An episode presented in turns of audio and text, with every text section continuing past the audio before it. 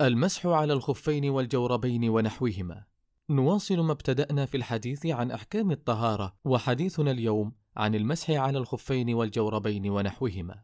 وهو رخصة من الله تعالى لعباده وهو من مظاهر التيسير في هذه الشريعة السمحة ويشترط لجواز المسح على الخفين خمسة شروط.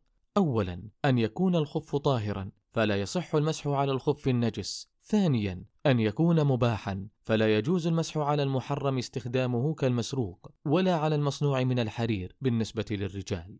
ثالثا أن يلبسهما على طهارة. رابعا أن يكون المسح في الحدث الأصغر. أما إذا كان الحدث أكبر فيجب أن يخلعهما ويغتسل.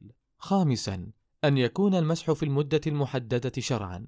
وهي يوم وليلة للمقيم أي 24 ساعة وثلاثة أيام بلياليهن للمسافر أي 72 ساعة. ويبدأ حساب مدة المسح من أول مسح بعد انتقاض الطهارة. وصفة المسح على الخفين أن يمسح أعلى الخف بأن يضع أصابع يديه مبلولتين على أصابع رجليه ثم يمررها إلى مبتدأ ساقه ولا يكرر المسح. نسأل الله الفقه في الدين واتباع سنة سيد المرسلين صلى الله عليه وسلم.